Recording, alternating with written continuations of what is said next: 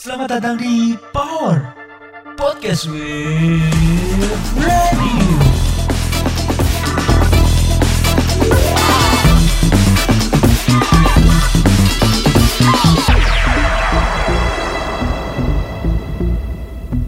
Selamat siang bro and sis wifi Apa kabarnya nih? Kali ini Wave Radio akan membawakan berita viral loh Kalian udah tahu belum sih berita viral tentang salah satu youtuber yang bernama Atta Halilintar? Kabarnya Atta Halilintar tidak terima dengan ulah salah satu pengguna TikTok. Melalui akun Instagramnya, Suami dari Aurel Hermansyah itu terlihat kesal dan marah saat ibunya yaitu Lenggo Geni Faruk dijadikan konten dalam video TikTok.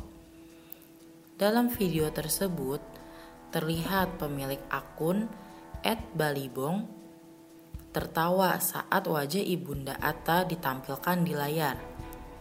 Setelahnya terlihat potongan video kecelakaan terjadi dan ia kembali tertawa saat melihat seorang wanita dengan wajah diperban kemudian menampilkan wajah Billie Eilish. Merasa bahwa ibundanya dijadikan bahan candaan ataupun langsung menanyakan maksud dari video tersebut kepada sang pemilik akun. Ia bahkan mengaku tidak terima dengan candaan pemilik akun yang diketahui bernama Zainal tersebut. Kemudian, Atta memposting video tersebut ke akun Instagramnya dengan menuliskan caption yang menunjukkan bahwa dia kesal dan tidak terima atas candaan tentang video ibunya. Kekesalan pun tampak ditunjukkan Aurel selaku istri dari Atta Halilintar. Ia bahkan menegaskan bahwa pihaknya akan mencari orang yang dengan sengaja menghina ibu mertuanya. Sayangnya, pemilik akun memilih untuk mengunci akun TikTok miliknya. Namun, dalam akun Twitternya terlihat ada empat buah foto yang sempat ditertawakannya dalam video TikTok. Nah, berita ini sempat menjadi trending topik di Twitter. Dan banyak netizen yang berpendapat ada yang pro dan ada yang kontra. Kalau menurut Bro Ensis gimana? Terlihat betapa penting dan dihormatinya sosok perempuan di negara kita, bahkan di dunia, yaitu ibu.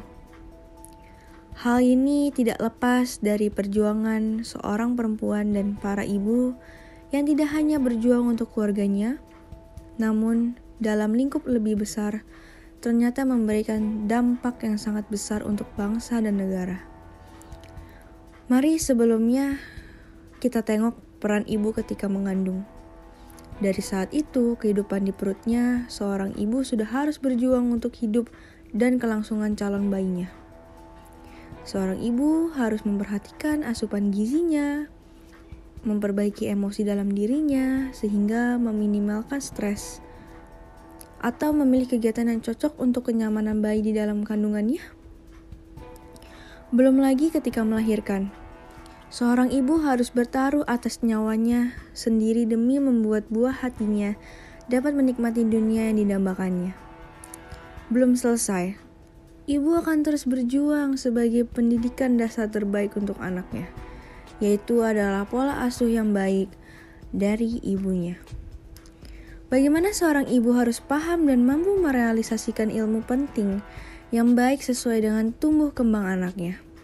Apa yang harus dan tidak harus diajarkan, apa yang boleh dan tidak boleh dimakan oleh anak-anaknya, dan masih banyak hal lain yang diperjuangkan dari seorang ibu. Oleh karena itu, sangat berdosa jika seorang anak sampai mengingkari kenyataan ini dan berbalik membenci ibunya. Dalam kondisi apa pun, seorang ibu akan tetap menjadi ibu, pahlawan terbaik bagi anak-anaknya. Berhubung dengan berita hangat yaitu Ibu Lenggogeni Faruk atau ibu dari YouTuber terkenal yaitu Atta Halilintar. Dijadikan konten meme menjadi sorotan warganet karena Atta sendiri tidak terima dengan hal itu. Siapa yang tidak marah atau kesal melihat ibunya dijadikan konten lawakan, walaupun niat si pembuat konten tidak ingin menyinggung pihak mana pun.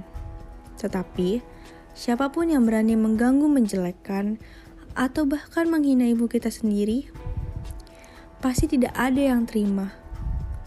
Jadi kita sekarang kedatangan tamu, yaitu Dea. Dea di sini untuk membantu menyuarakan pendapat mengenai berita ini. Jadi menurut Dea, gimana nih? Dea lebih pro atau kontra ke mana? Karena kalau dilihat-lihat, Ata nggak ada salahnya. Dia marah terhadap hal ini. Kalau menurut saya, ya namanya media sosial kan emang sekarang buat ajang kita untuk mengekspresikan diri. Di media sosial pun kita juga bisa melakukan hal apa aja yang kita suka. Untuk konten sendiri pun juga itu hak siapa pun untuk membuat konten apa pun yang dia suka, asalkan harus sesuai dengan aturan dan gak ada yang tersinggung. Tapi mungkin yang jadi permasalahan di sini yaitu ketika dia naruh foto orang tuanya Ata dan beberapa foto lainnya, seperti foto mobil kecelakaan turun ke jurang, terus foto pasien di perban kepalanya, dan terakhir fotonya Billy Ellis. Dari rangkaian foto itu menggambarkan bahwa ibunya Ata yang mengalami kecelakaan, kemudian melakukan operasi muka hingga wajahnya mirip dengan Billy Ellis. Hal ini tentu memancing emosi Ata selaku anak yang melihat foto orang tuanya dijadikan meme. Sampai-sampai beberapa influencer pun juga turut berkomentar dan netizen pun juga banyak yang akhirnya memberikan pendapatnya hingga membuat berita ini menjadi ramai kan. Kalau menurut saya, anak anak-anak muda seperti kita ini harus lebih bijak dalam menggunakan media sosial, apalagi di zaman kita ini semuanya serba canggih dan serba mudah. Maka dari itu, gunakanlah media sosial dengan baik dan jadikanlah pengguna yang bijak. Kalau menurut saya pribadi, menurut pendapat saya terkait dengan konten yang tidak sesuai dengan konsumsi masyarakat publik, seharusnya tidak boleh diproduksi. Hal ini dikarenakan konten tersebut mengandung unsur-unsur penghinaan maupun perbuatan tidak menyenangkan pada orang lain. Di samping itu, saya mendukung penuh langkah yang ditempuh oleh Atta Halilintar dalam mencari akar permasalahan serta penyelesaian dari kasus tersebut.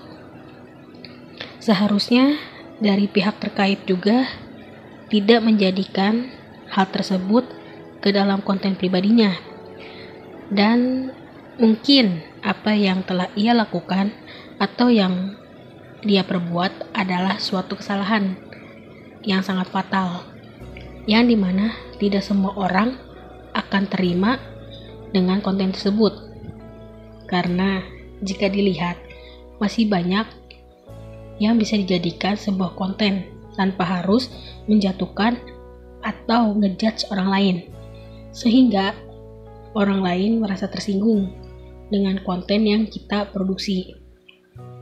Mungkin sedikit saran aja Seharusnya konten kreator tersebut tidak menjadikan hal tersebut konten. Mungkin dari segi negatifnya, konten kreator tersebut salah karena cara dia menyampaikan sebuah konten tersebut salah dan sangat tidak memperhatikan baik dari segi emosional maupun psikologis untuk orang lain. Karena kita tidak tahu bagaimana keadaan emosi maupun psikologis dari seseorang yang menjadi victim dalam konten yang kita produksi yang beredar di masyarakat sehingga membuat persepsi masyarakat menjadi ke arah yang negatif dan menyinggung keluarga Atta Halilintar sehingga membuat Atta Halilintar jadi terbawa emosi. Maka dari itu, seharusnya kita juga harus bijak dalam bermedia sosial dan memproduksi sebuah konten. Hal ini bertujuan agar konten yang kita produksi tidak berdampak negatif bagi orang lain dan tidak mempengaruhi emosi maupun psikologis orang lain. Seperti itulah kira-kira pendapat saya dan yang dapat saya berikan terkait dengan masalah konten tersebut.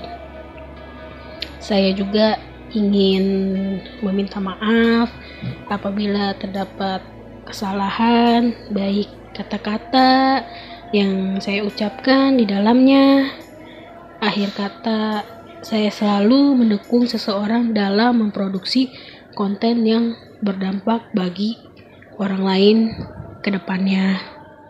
Menurut pendapat saya, sebaiknya dalam membuat konten harus memperhatikan isi konten tersebut terlebih dahulu. Apakah konten tersebut aman jika menjadi konsumsi publik atau dapat menyinggung pihak tertentu, terlebih seperti hal yang sensitif, contohnya bercanda tentang orang tua atau keluarga.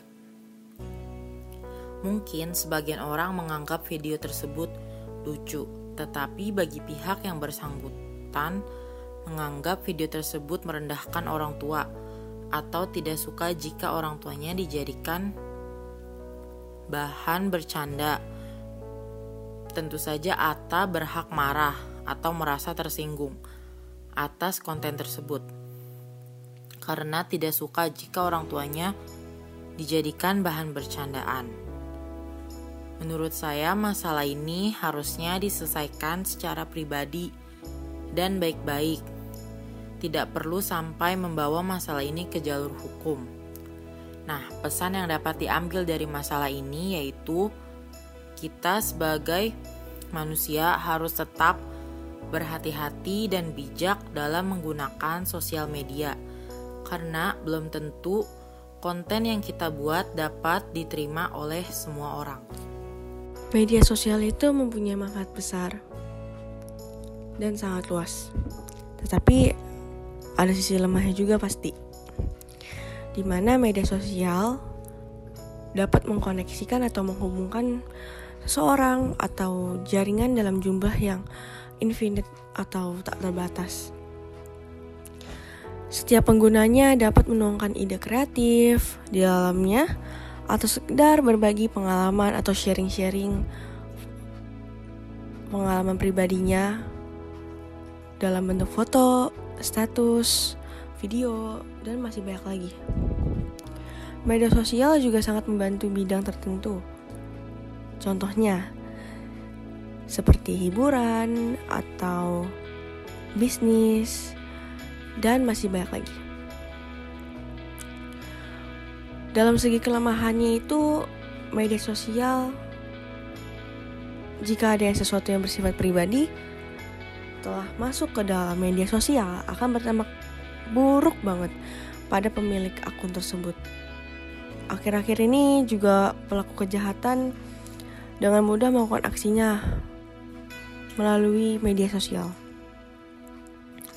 Seperti kasus yang setelah dibahas,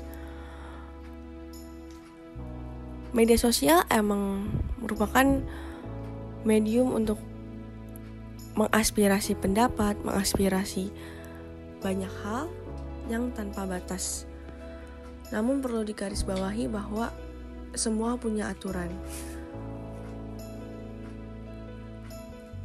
Jika ingin sharing mengenai hal-hal atau isi atau konten yang